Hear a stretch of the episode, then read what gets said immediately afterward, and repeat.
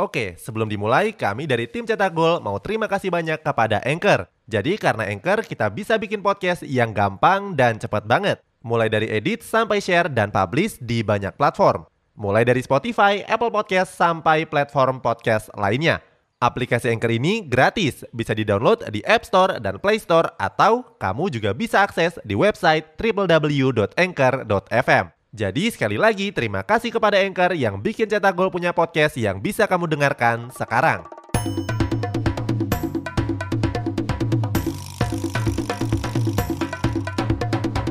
Kini Podcast Network. Juventus pernah jadi tim yang paling ditakuti di Italia. Selain meraih Scudetto secara berturut-turut, Bianconeri juga pernah menembus partai final Liga Champions. Sayangnya, kali ini mereka justru terpuruk dan jauh dari jalur juara. Cetak Gol coba merangkum keterpurukan Juventus sebagai berikut.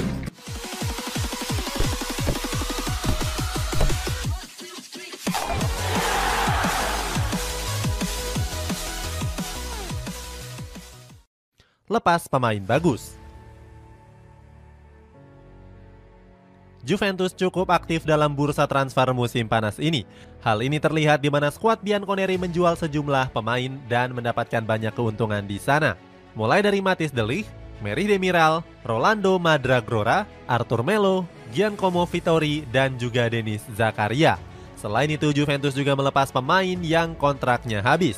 Mulai dari Paulo Dybala, Federico Bernardeschi, Luca Pellegrini, Douglas Costa, Aaron Ramsey, dan sang back veteran sekaligus legenda klub yakni Giorgio Cielini. Menariknya, sejumlah pemain yang dilepas itu justru tampil apik bersama klub barunya. Sebagai contoh ada bomber andalan tim nasional Argentina yakni Paulo Dybala. Juventus memutuskan untuk nggak memperpanjang kontraknya yang akan berakhir di musim panas kemarin. Keputusan ini mendapatkan banyak dukungan dari sejumlah tokoh sepak bola termasuk mantan penyerang tim nasional Italia yakni Antonio Cassano. Cassano menyebut kalau Dybala bukanlah pemain hebat dan mengatakan gak ada klub besar yang mau untuk meminangnya. Pada akhirnya Dybala merapat ke raksasa ibu kota yakni AS Roma. Dybala juga tampil apik dan sudah memainkan 6 pertandingan Serie A dengan torehan 3 gol dan 2 asis. Salah satu asis terbaik Dybala bahkan tercipta pada laga menghadapi Juventus. Saat itu Dybala membantu Tami Abraham mencetak gol penyama dan membuyarkan kemenangan Bianconeri. Pemain yang tampil mengecewakan. Setelah melepas sejumlah pemain, Juventus mengalami performa yang pasang surut. Hal ini gak terlepas dari penampilan gak konsisten para pemainnya di musim ini.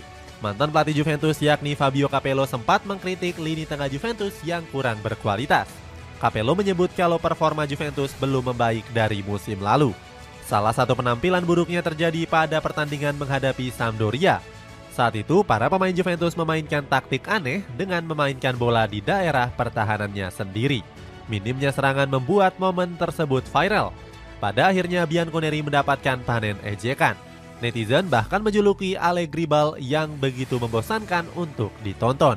Selain lini tengah yang kurang kreatif, penyerangan Bianconeri pun terkesan tumpul. Pada pertandingan menghadapi AS Roma ada tiga pemain yang dinilai tampil buruk. Pertama ada Philip Kostik yang merilis 13 umpan silang dan cuma satu yang bisa dibilang akurat. Kedua ada Mattia De Siglio yang juga gagal memberikan ancaman. Sebab back sayap kanan ini memberikan 4 umpan silang dan gak ada satupun yang bisa dijangkau oleh penyerang. Ketiga ada Weston McKennie yang baru masuk pada menit ke-77. Saat itu pemain berusia 23 tahun ini cuma lari ke sana kemari tanpa melakukan satu pun tembakan. Nggak cuma itu, McKennie juga gagal menciptakan satu pun peluang. Sulit menang lawan tim papan bawah. Juventus memang belum menelan kekalahan di Serie A musim ini. Sayangnya mereka kesulitan meraih 3 poin pada pertandingan menghadapi tim-tim papan bawah. Pertama ada pertandingan pekan kedua menghadapi Sampdoria. Saat itu si Nyonya Tua kehilangan magi setelah harus bermain tanpa kehadiran Angel Di Maria. Dusan Vlahovic yang tampil sebagai striker tunggal justru nggak mendapatkan ruang dan terisolasi. Mirisnya para pemain Juventus juga jarang mengirimkan umpan ke Vlahovic yang berdiri bebas. Hasilnya di sepanjang pertandingan Vlahovic cuma menyentuh bola sebanyak 9 kali Sementara itu, kedua tim harus berbagi satu poin karena menutup laga dengan skor kacamata.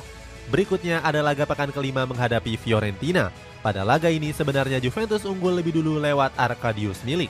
Akan tetapi setelah itu Bianconeri justru digempur habis-habisan. Akhirnya Fiorentina pun bisa menyamakan kedudukan lewat gol dari Christian Kwame. Sementara pada laga terbaru menghadapi Salernitana, Juventus mengakhirinya dengan skor 2 sama. Pada laga ini Juventus sebenarnya bisa unggul dan membawa poin penuh. Sayangnya gol ketiga Bianconeri yang dicetak oleh Arkadius Milik dianulir oleh wasit karena dianggap offside. Sementara itu Allegri merasa kalau anak-anak asuhnya nggak bermain dengan jelek. Pelatih Italia ini menyebut kalau para pemainnya masih berproses dan bakal tampil lebih baik lagi. Oke, sebelum dilanjut, ada yang penasaran nggak gimana caranya bikin dan nyebarin podcast yang kayak gini? Nah, ini karena tim cetak gol pakai Anchor. Mulai dari rekaman, edit suara, tambah lagu, sampai drag and drop bisa kita lakukan sendiri pakai Anchor. Satu aplikasi sudah bisa buat semua kebutuhan podcast. Bisa di-download dari App Store dan Play Store atau bisa juga diakses dari website www.anchor.fm. Terus yang terpenting Anchor ini gratis. Download dan coba sendiri setelah tonton episode ini. Terpuruk di Liga Champions.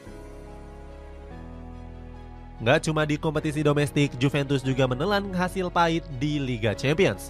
Pada matchday pertama babak grup H, Bianconeri dikalahkan Paris Saint-Germain dengan skor 2-1. Saat itu PSG sudah unggul pada menit ke-5 pertandingan lewat Kylian Mbappe. 5 menit berikutnya Mbappe mencetak gol keduanya lewat umpan 1-2 dengan Akraf Hakimi. Sementara Juventus cuma bisa membalas satu gol lewat sundulan dari McKennie.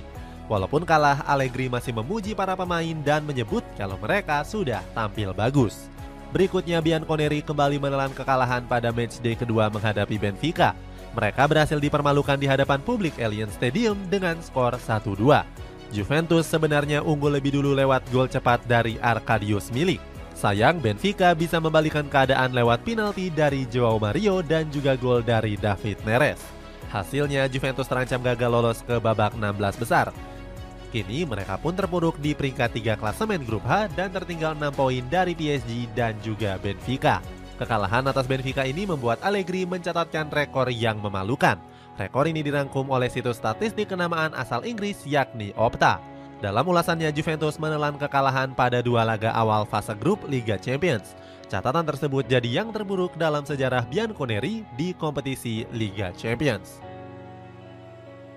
Diminta pecat Massimiliano Allegri. Setelah menelan serangkaian hasil yang buruk, kini posisi Allegri sedang berada di ujung tanduk. Hal ini juga ditandai oleh tagar Allegri out yang menghiasi trending topik di Twitter. Para supporter nampaknya sudah hilang kesabaran dengan penampilan buruk Juventus.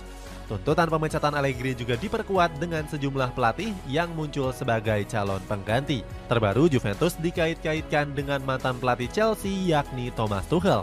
Dengan status pernah membawa juara Liga Champions, Tuchel diyakini bisa mendongkrak performa skuad Bianconeri. Selain Thomas Tuchel, kandidat lainnya tertuju pada mantan pelatih Real Madrid yakni Zinedine Zidane. Kabarnya Zidane sudah siap siaga untuk menunggu tawaran dari manajemen klub. Apalagi Juventus adalah mantan klub dari Zinedine Zidane.